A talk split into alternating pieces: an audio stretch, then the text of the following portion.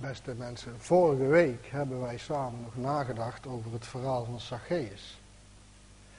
Ik hoop dat u daarbij aanwezig was. Als ik zo even kijk, dan zie ik dat niet iedereen daarbij was. Maar de tekst van vandaag die sluit direct aan op dat verhaal.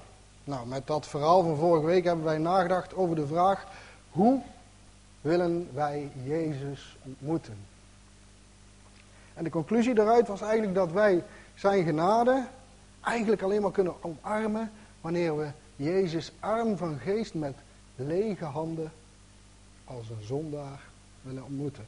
En we waren tot de conclusie gekomen dat een verkeerd beeld, dat je zomaar kan hebben van Jezus, je eigen zaligheid in de weg kan staan.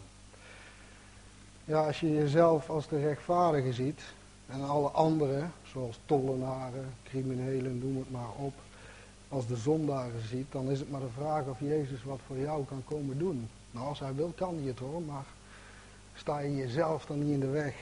En daarom zegt Jezus in vers 10, dat is het, vers wat voor deze schriftlezing uh, staat. De zoon des mensen is gekomen om te zoeken en zalig te maken wat verloren is.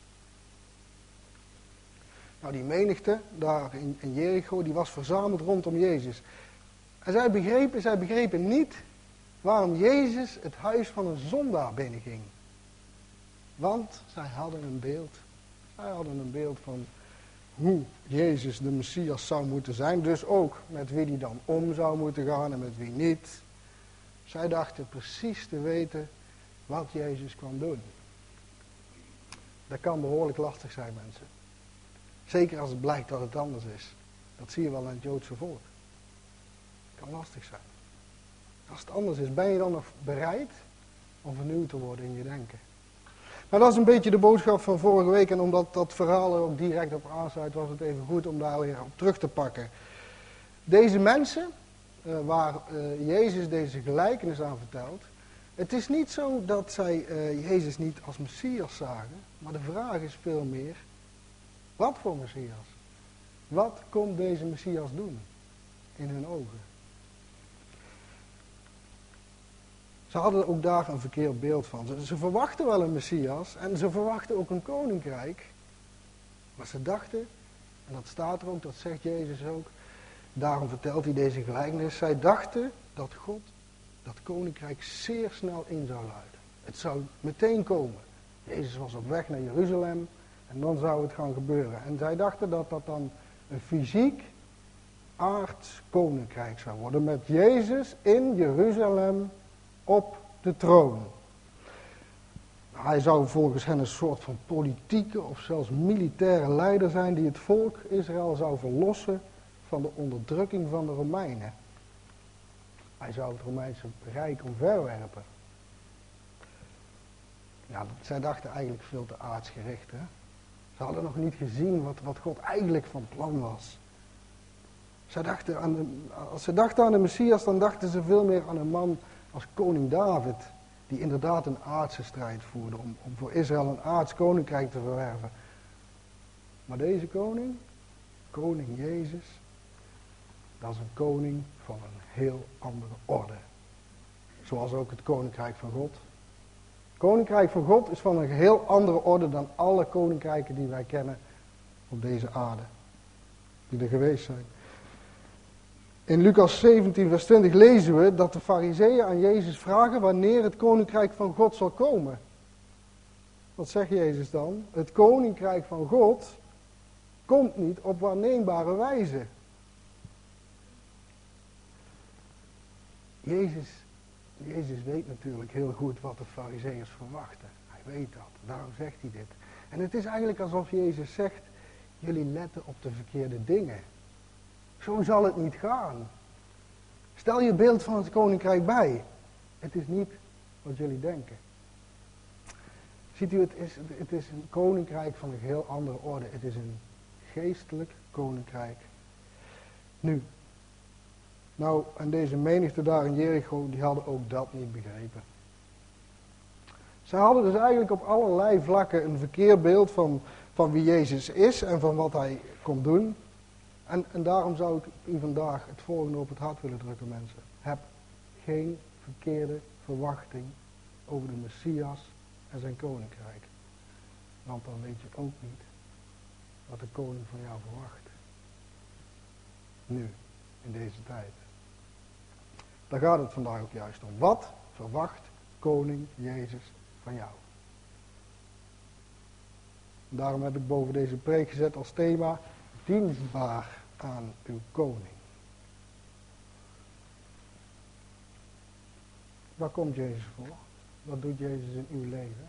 Komt hij ervoor om uw problemen op te lossen? Ja, misschien wel. Is dat het enige? De menigte van mensen daar in Jericho, die dachten dat hij nu inderdaad meteen dat hele Joodse probleem op kwam lossen. De Romeinse onderdrukking. Jezus zou dat rijk omverwerpen. Ze dachten ook, en ze hadden natuurlijk de Oude Testamenten geschriften, zij dachten dat alles wat daarin stond over de komende Messias nu meteen vervuld zou worden. En dat is ook jammer. Dat is jammer, want daardoor is het misgegaan. Daardoor hebben heel veel Joden, Joden hebben daardoor gedacht van, ja maar dit is hier niet.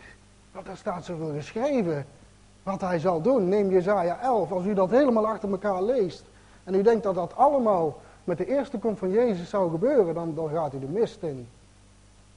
Want Jezus is daar heel anders als het laatste gedeelte van Jezaja 11. En hoe, hoe, hoe, moet dat dan? Zo kunnen we ook ooit een, ons, ons beeld van de eindtijd helemaal dichtgetimmerd hebben. Dat kan ook lastig zijn, want wat dan als het anders is? Je nog bereid om het bij te schaven? En, en tegen jezelf en tegen anderen zeggen, ja, kan het mis. Het is anders. Nou, zij, dachten dus, ja, dit, dit moet die Messias zijn zoals het in het Oude Testament beschreven staat. En, uh, ja, als wij denken dat Jezus nu in dit leven, in deze fase, deze fase van het reddingsplan van God, laten we het zo maar even noemen, dat Jezus ons nu alles zou geven wat God beloofd heeft, nou dan zeg ik u vandaag, dan kan het leven als een christen soms, en misschien wel heel vaak, behoorlijk tegenvallen. Er staan nog profetieën open mensen. Kijk eens om je heen. Kijk eens naar het nieuws. En ook hier, je hoeft niet zo ver weg te kijken in je eigen leven, in ons land. Dit is toch niet de wereld die God beloofd heeft, of wel dan? Dat koninkrijk is toen niet in zijn volheid gekomen en daar wachten we nu ook nog op. En hoe je daarin staat, dat bepaalt ook hoe je leeft. Hè? Je zegt het koninkrijk is nu al in zijn volheid gekomen.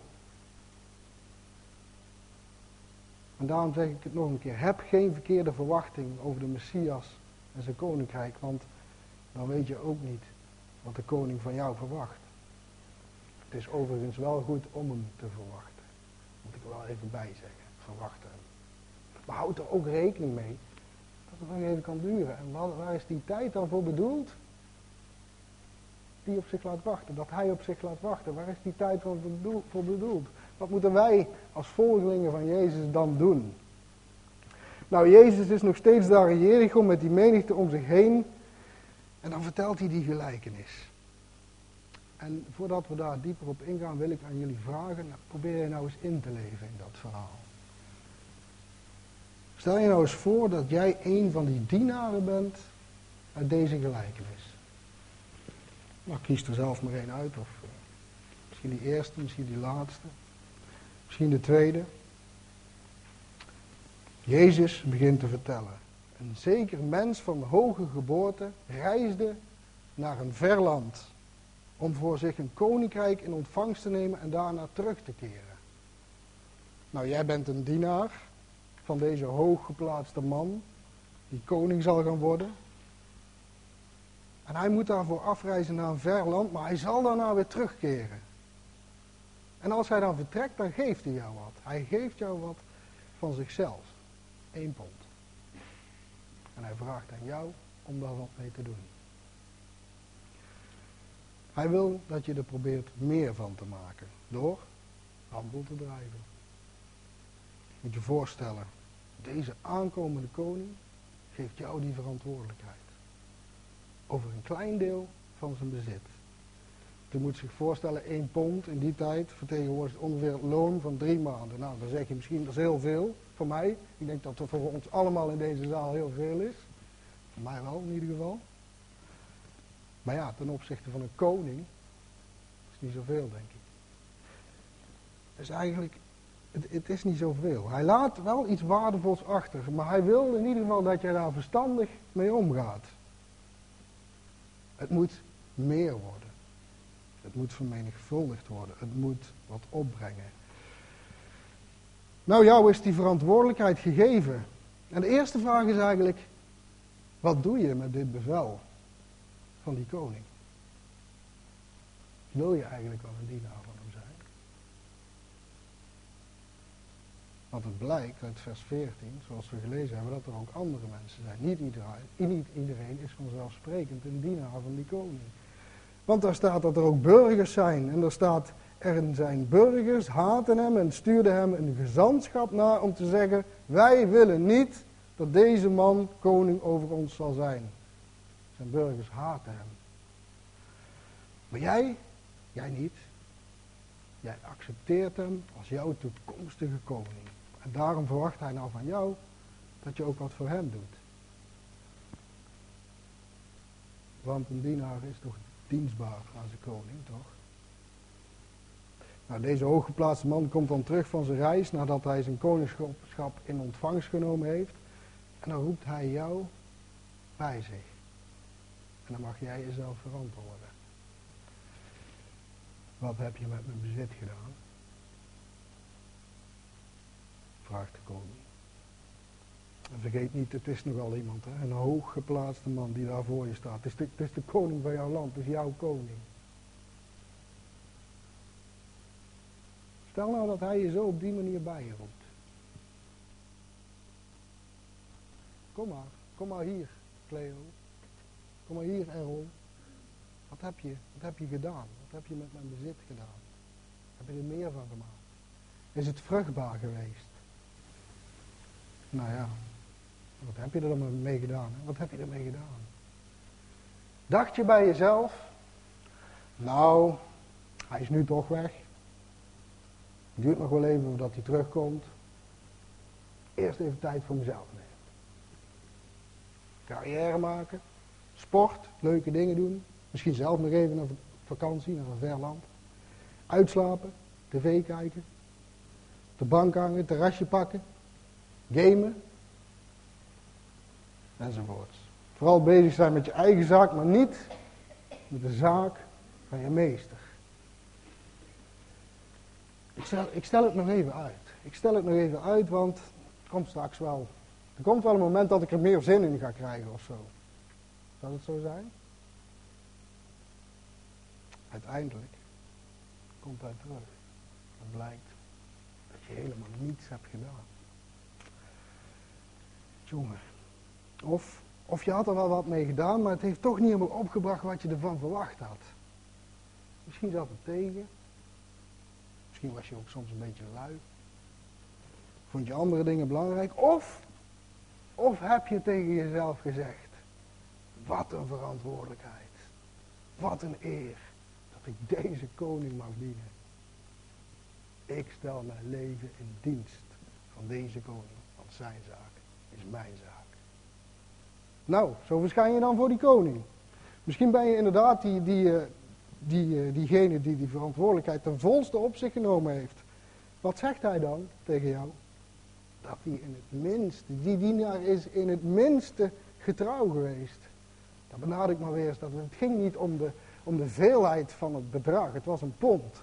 In de ogen van de koning maar een klein bedrag. In het minste, mijn dienaar ben jij getrouw geweest. De eerste dienaar heeft tien ponden gemaakt van één pond. En wat zegt de koning dan? Voortreffelijk, goede dienaar. Omdat gij in het minste trouw geweest zijt, heb gezag over tien steden. Nou, tien steden. Dat is niet niks. Dan mag je blij zijn. Dan mag je blij zijn, want, want je vond het al belangrijk dat je, dat je met één pond wat mocht doen voor deze koning. En nu geeft hij jou het gezag over tien steden.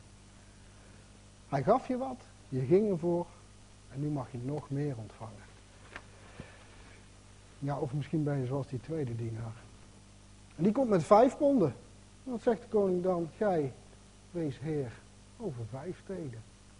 Er helemaal niks van te zeggen. Ook goed gedaan. Maar dat zegt hij hier niet, maar het lijkt er ook niet op alsof, het, alsof deze uh, slaaf of deze dienaar uh, geen goede dienaar was. Misschien heeft het inderdaad een beetje tegengezeten. Misschien was hij niet zo handig als die andere. En ja, misschien was hij soms ook toch wel een beetje lui.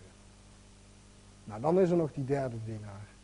Stel je nou voor dat je dat bent en dan, moet je, dan verschijn je voor de Heer, voor de koning. Wat moet je dan zeggen? Heer, hier is uw pond. Ik had het in een doek weggeborgen en bewaard. Je hebt er niets mee gedaan.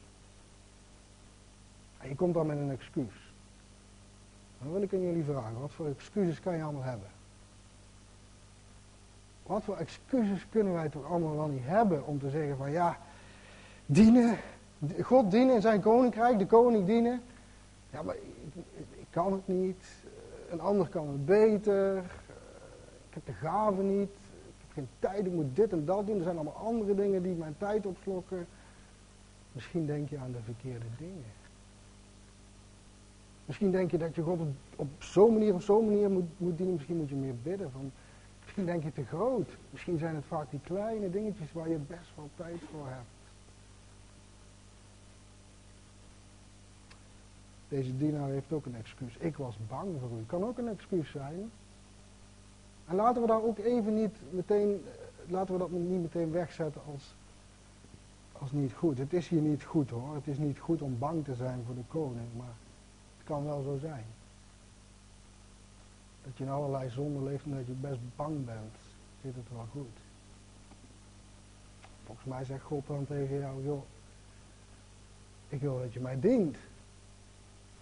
Het gaat niet zo over, over, over als je gered bent, dan is, dan is er het volgende. En dan komt er een leven van dienen. Maak je daar nou niet zoveel zorgen over. Ga mij gewoon dienen.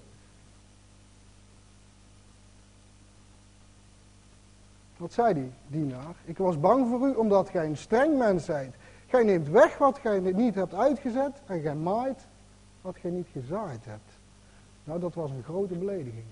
Dat was een grote belediging voor deze koning, dat hij onrechtvaardig zou zijn.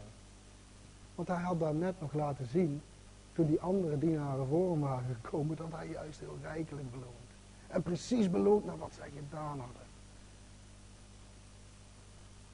Tien ponden, tien steden. Vijf ponden, vijf steden. Maar goed, wat was er nou aan de hand met die laatste dienaar? Hij had een verkeerd beeld van zijn koning. En daarom zei ik het al, dat is niet goed. Dat is jammer. Het is jammer als je een verkeerd beeld hebt van je koning. Waar was deze dienaar bang voor? Wat denk je, waar was hij bang voor? Dacht hij misschien dat als hij iets verdiend zou hebben met de pond, dat zijn meester het van hem af zou nemen? Ging het er misschien daarom? Dat hij het voor zichzelf wilde doen? Of misschien dacht hij dat hij gestraft zou worden als hij alles kwijt zou raken. En niks meer over had. Hij heeft dit daarom maar opgeborgen. Nou, die koning die, die, die spreekt dan tot die dienaar en als het ware zegt hij dit. Nou, als jij zo goed dacht te weten hoe streng ik was, dan zal ik jou met je eigen woorden oordelen.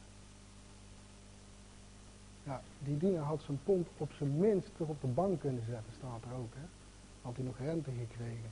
Wat wil dat zeggen? Nou, dat wil zeggen dat zelfs de kleinste moeite te veel was voor deze dienaar.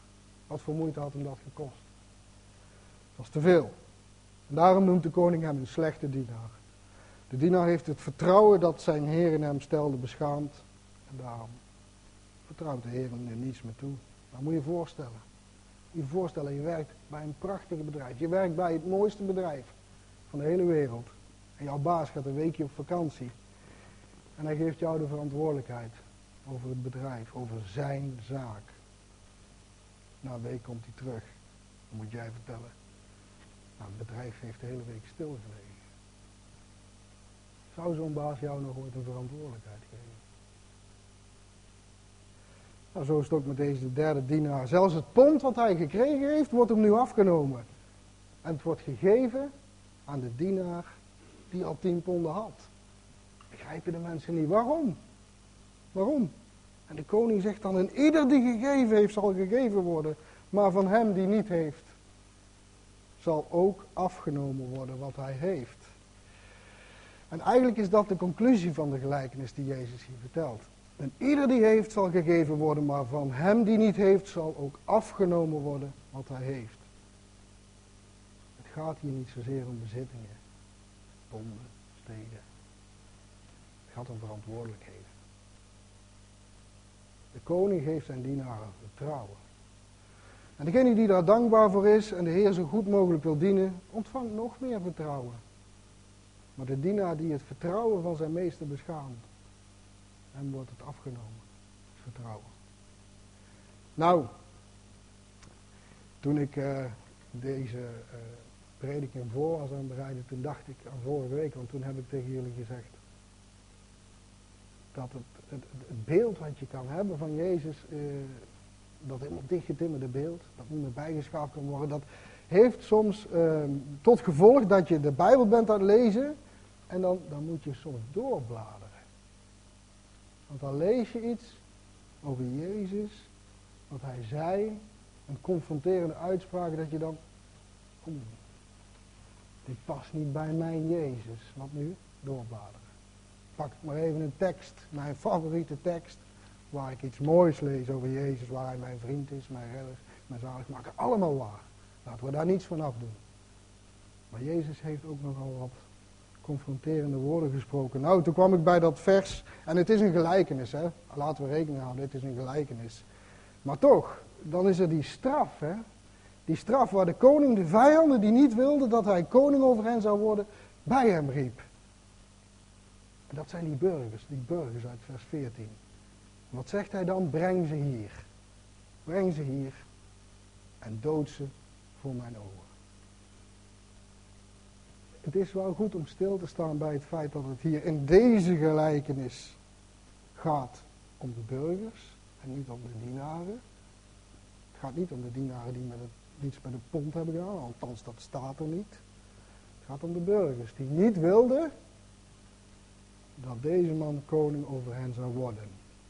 Maar, nou wat kan je ermee? Je kan, je kan jezelf wel één ding afvragen, dat vind ik wel belangrijk hoor. In hoeverre in hoeverre verschilt de slechte dienaar van de burgers? Eén ding mag duidelijk zijn, nou beide hebben in ieder geval niets gedaan voor het komende koninkrijk. De burgers, daar was het duidelijk bij. Zij wilden hem niet eens als koning. Maar als u nou zegt een dienaar te zijn van deze koning, maar u dient hem in werkelijkheid helemaal niet. In hoeverre is hij dan werkelijk een koning? In hoeverre verschil je dan van de burgers? confronterende woorden van Jezus. Wat een gelijkenis. Hè? Verteld door de Heer Jezus aan mensen van wie hij wist dat ze een verkeerd beeld hadden over hem als koning en Messias en over dat komende koninkrijk. Wat is uw verwachting van de Messias? Wat is uw verwachting van het koninkrijk van God? Wat is er nu al zichtbaar? Wat is er nu al gegeven en wat wordt straks nog gegeven? Waar zullen deze mensen aan gedacht hebben toen ze die gelijkenis hoorden? Nou, het is wel goed om te weten, er was in die tijd, in die tijd van Jezus was er een heerser geweest, Archelaus. En hij was de zoon van Herodes de Grote. Deze man die ging naar Rome, een ver land, om daar van keizers Augustus de heerschappij over Judea te krijgen. Koning te worden. En de Joden, die hebben toen inderdaad afgevaardigden achter hem aangestuurd met de boodschap: Wij willen niet dat deze man koning over ons wordt. En deze man werd toch koning. Nou, wat deed hij met degene die hem als koning afwezen? Die liet Archelaus tot dood, tot de dood veroordelen. Nou, dit verhaal, we mogen wel aannemen dat, dat dat verhaal bij iedereen bekend was in deze tijd. En het feit dat dit soort zakelijke werkelijk gebeurde, ja, dat zal toch wel wat kracht bij deze gelijkenis eh, eraan toegevoegd hebben. Hè? Het is alsof Jezus nu eigenlijk de mensen voorbereidt op wat komen gaat. Het lijkt erop alsof Jezus wil zeggen, ik lijk misschien nog wel meer op de koning uit deze gelijkenis dan op diegene die jullie denken dat ik ben. Wij lezen deze gelijkenis. Wij zien daar misschien andere dingen in. Maar we moeten er wel rekening mee houden dat toen zij dit hoorden, heel veel dingen nog niet waren gebeurd die wij in het woord van God mogen lezen. Dus we mogen het ze niet kwalijk nemen dat hun daar niet bepaalde dingen uitgehaald hebben die wij daar misschien uithalen. En dan moeten we trouwens ook nog voorzichtig mee zijn hoor. Altijd met een gelijkenis. Nou, aan wie doen de personen in deze gelijkenis ons denken? Waarschijnlijk, en ik hoop het ook eigenlijk wel, heeft hij tijdens de vertelling van de gelijkenis zelf al een bruggetje geslagen. Of hebt u hem al ooit eerder gelezen en denkt, ja hé, hey, als je dan nou goed kijkt, laten we eerlijk zijn. Een man van hoge geboorte, die naar een ver land reist om een koningschap in ontvangst te nemen en dan terug te keren. Dat is toch de Heer Jezus zelf. Een man, een mens van hoge geboorte. Doet dat ons niet denken aan de goddelijke afkomst van Jezus? Die naar een ver land reist, hemelvaart, om het koningschap in ontvangst te nemen. Wie? Wie voerde nou op naar de hemel? Wie zit daar nu getroond aan de rechterhand van God de Vader? Koning Jezus toch? En wie is die koning die terug zal komen om het koninkrijk van God op aarde in zijn volheid te openbaren? Dat is Jezus Christus, als hij terugkomt. Dat is de wederkomst van Christus. U zegt, ja, maar dat koninkrijk is toen toch al doorgebroken? Ja. Ja, dat koninkrijk is er wel gekomen, maar nog niet in zijn volheid. Ze noemen het ook wel het koninkrijk van het reeds en het nog niet. In bepaalde opzichten is het er, maar in andere opzichten verwachten we nog een volledige totstandkoming van Gods koninkrijk op aarde. Nu is het een, een soort van geestelijk koninkrijk, maar straks als hij terugkomt, zal hij fysiek regeren over deze aarde. Nu regeert hij nog vanuit de hemel, maar wanneer hij terugkomt, dan zullen zijn voeten staan op de olijfberg. Op dezelfde plek waar hij is opgevaren naar die hemel. Bij zijn eerste komst was Jezus de leidende dienstknecht. Die stierf voor de zonde van de wereld. Maar bij zijn wederkomst, dan komt er dezelfde Jezus, maar wel toch anders. Want dan komt hij in heerlijkheid in zijn koninklijke waardigheid. Dan komt hij met macht en majesteit. En zo zal hij dan plaatsnemen op de troon. Dan, dan zal het zo zijn. En dan zal het ook een troon op aarde zijn. En daarom bidden wij ook. En hebben we vandaag ook dat lied gezongen. Laat uw koninkrijk komen. Dat bidden we toch niet als het er al helemaal is. Dat bidden we toch omdat we nog iets verwachten. Laten we dat ook blijven bidden, laten we dat blijven verwachten. Verwachten dat het morgen kan komen, maar ook rekening mee houden dat wij nog een komende tijd dienstbaar moeten zijn in een andere fase van het reddingsplan van God. Laat uw koninkrijk komen, uw wil geschieden, zoals in de hemel, zo ook op aarde. Zoals die troon in de hemel zal zijn, zal die troon ook op een moment op aarde zijn.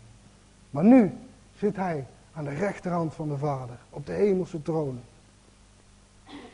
Daar zit een koning op de troon, daar in die hemel. En dan hoop ik mensen van harte dat u vandaag kunt zeggen dat u een dienaar bent van die hemelse koning.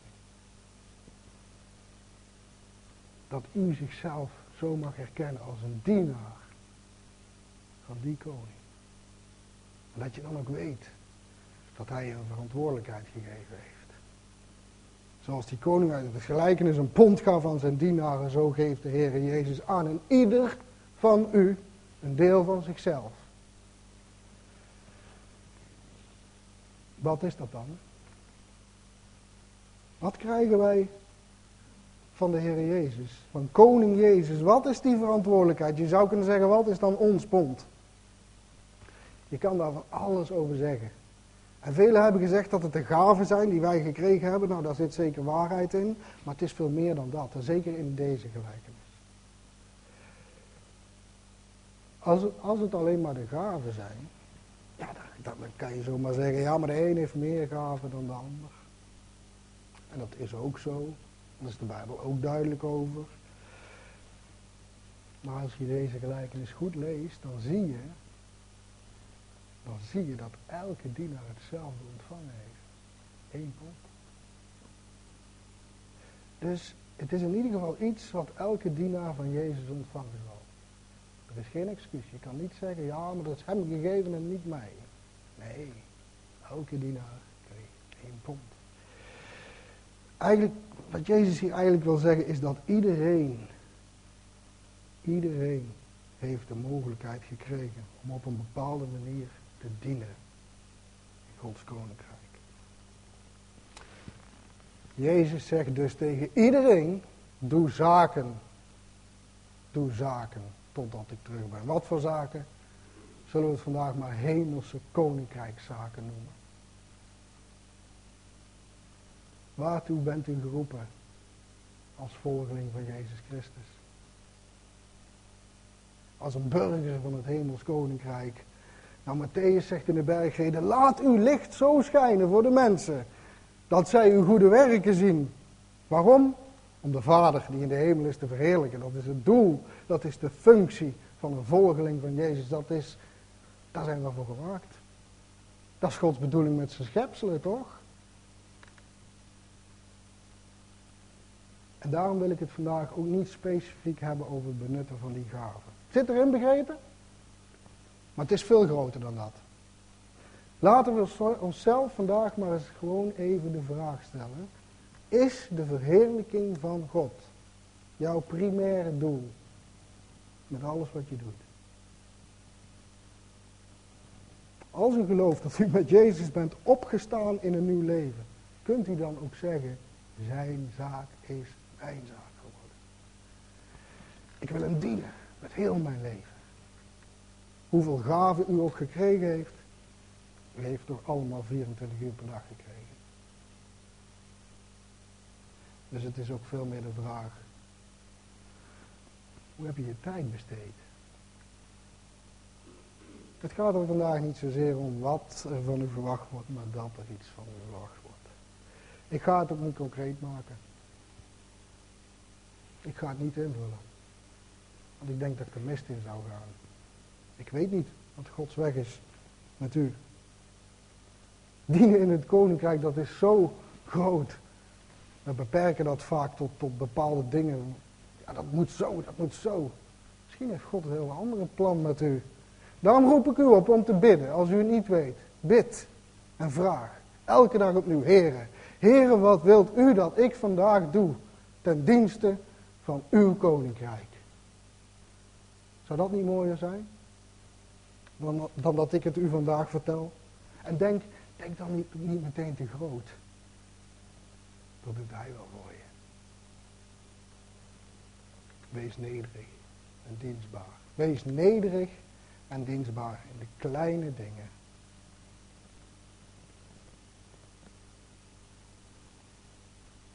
Dan zal hij ze groot maken. Zoals die koning in de gelijkenis. Eén pond, tien ponden worden tien steden. Denk niet te groot, doet hij voor je. Hij maakt het groot.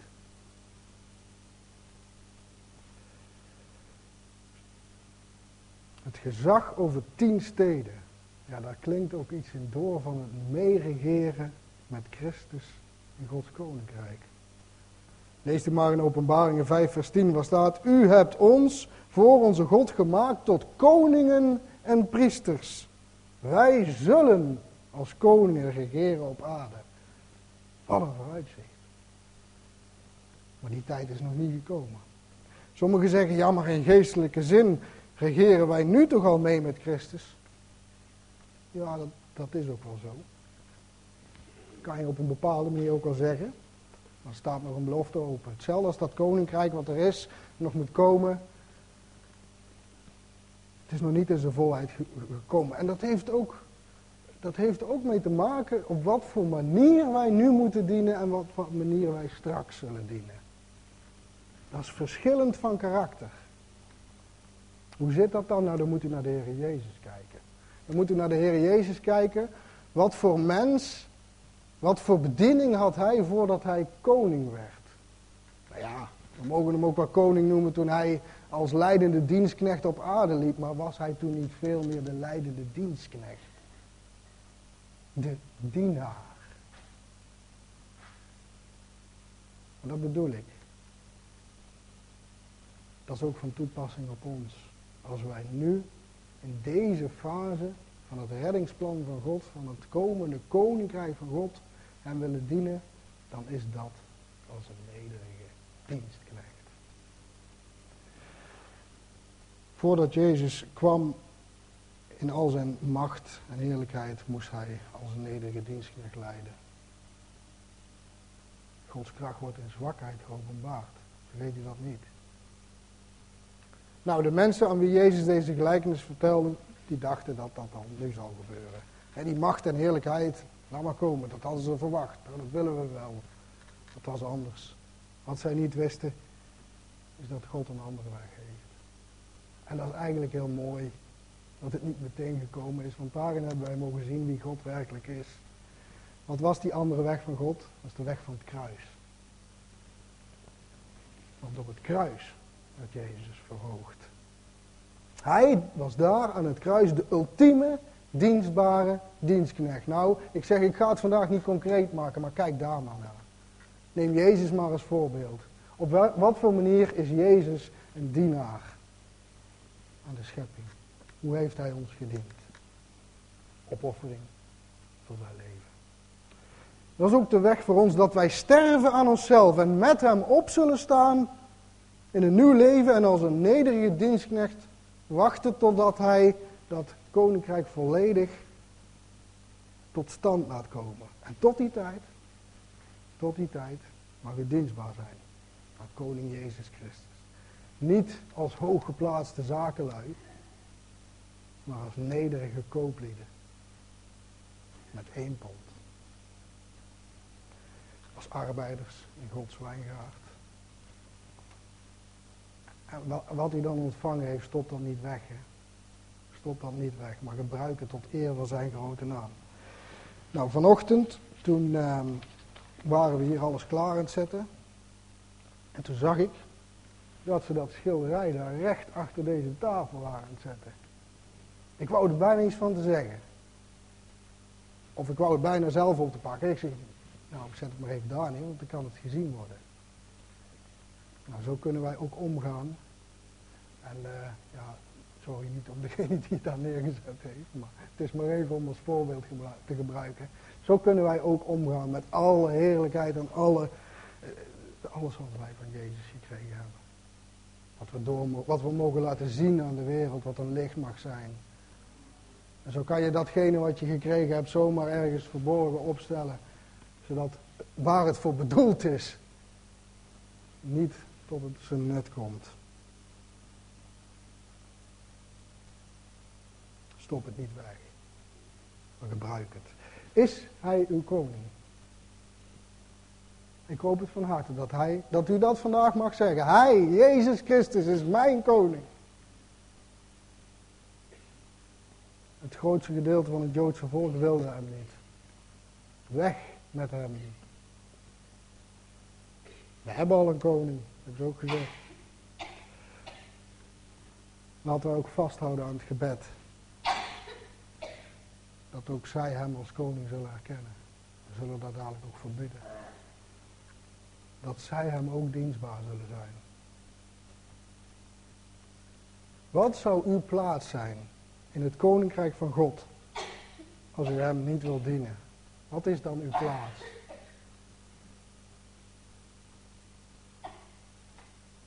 Sommigen zeggen, als ik er maar kom.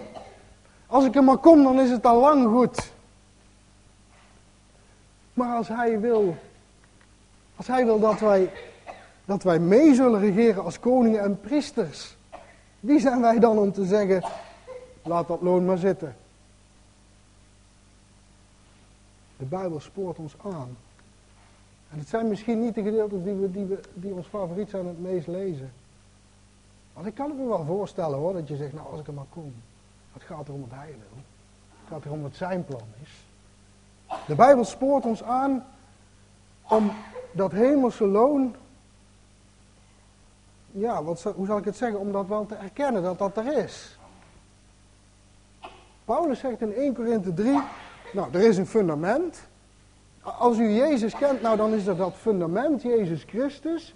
En, en, iedereen die, die, die verder leeft en op een bepaalde manier uh, Jezus dient, die bouwt verder op dat fundament.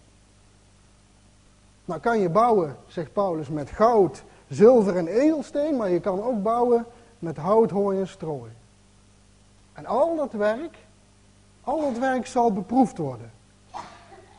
Nou, zegt Paulus, als iemands werk stand houdt, zal hij loon ontvangen.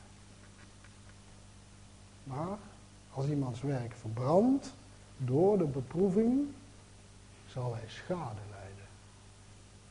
Hij zelf zal behouden worden, maar wel zo als door vuur heen.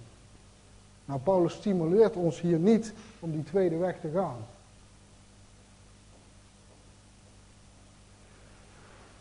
Wie zit er op de troon in ons leven? Wie zit er op de troon in jouw leven, in mijn leven?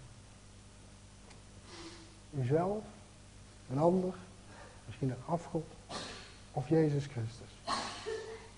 De koning der koningen. Als u, als u dat kan zeggen, ja, hij zit op de troon in mijn leven, bent u hem dan ook dienstbaar? U zegt, ja, maar het evangelie is gratis toch? Ja, Genade kost niets. Je kan het niet eens verdienen. Maar het volgen van Jezus kost u alles. Kost u alles. Kost uw hele leven. Hij wil u helemaal, want u, u bent van hem. Niet slechts een deel. Het is gratis en tegelijkertijd kost het je alles. Jezus zegt, wie mij wil volgen, laat hem de kosten berekenen. Jezus zegt ook, wie achter mij aan wil komen, moet zichzelf verloochenen. En dagelijks zijn kruis op zich nemen en mij volgen. Beste mensen, is dit de koning die u wil volgen?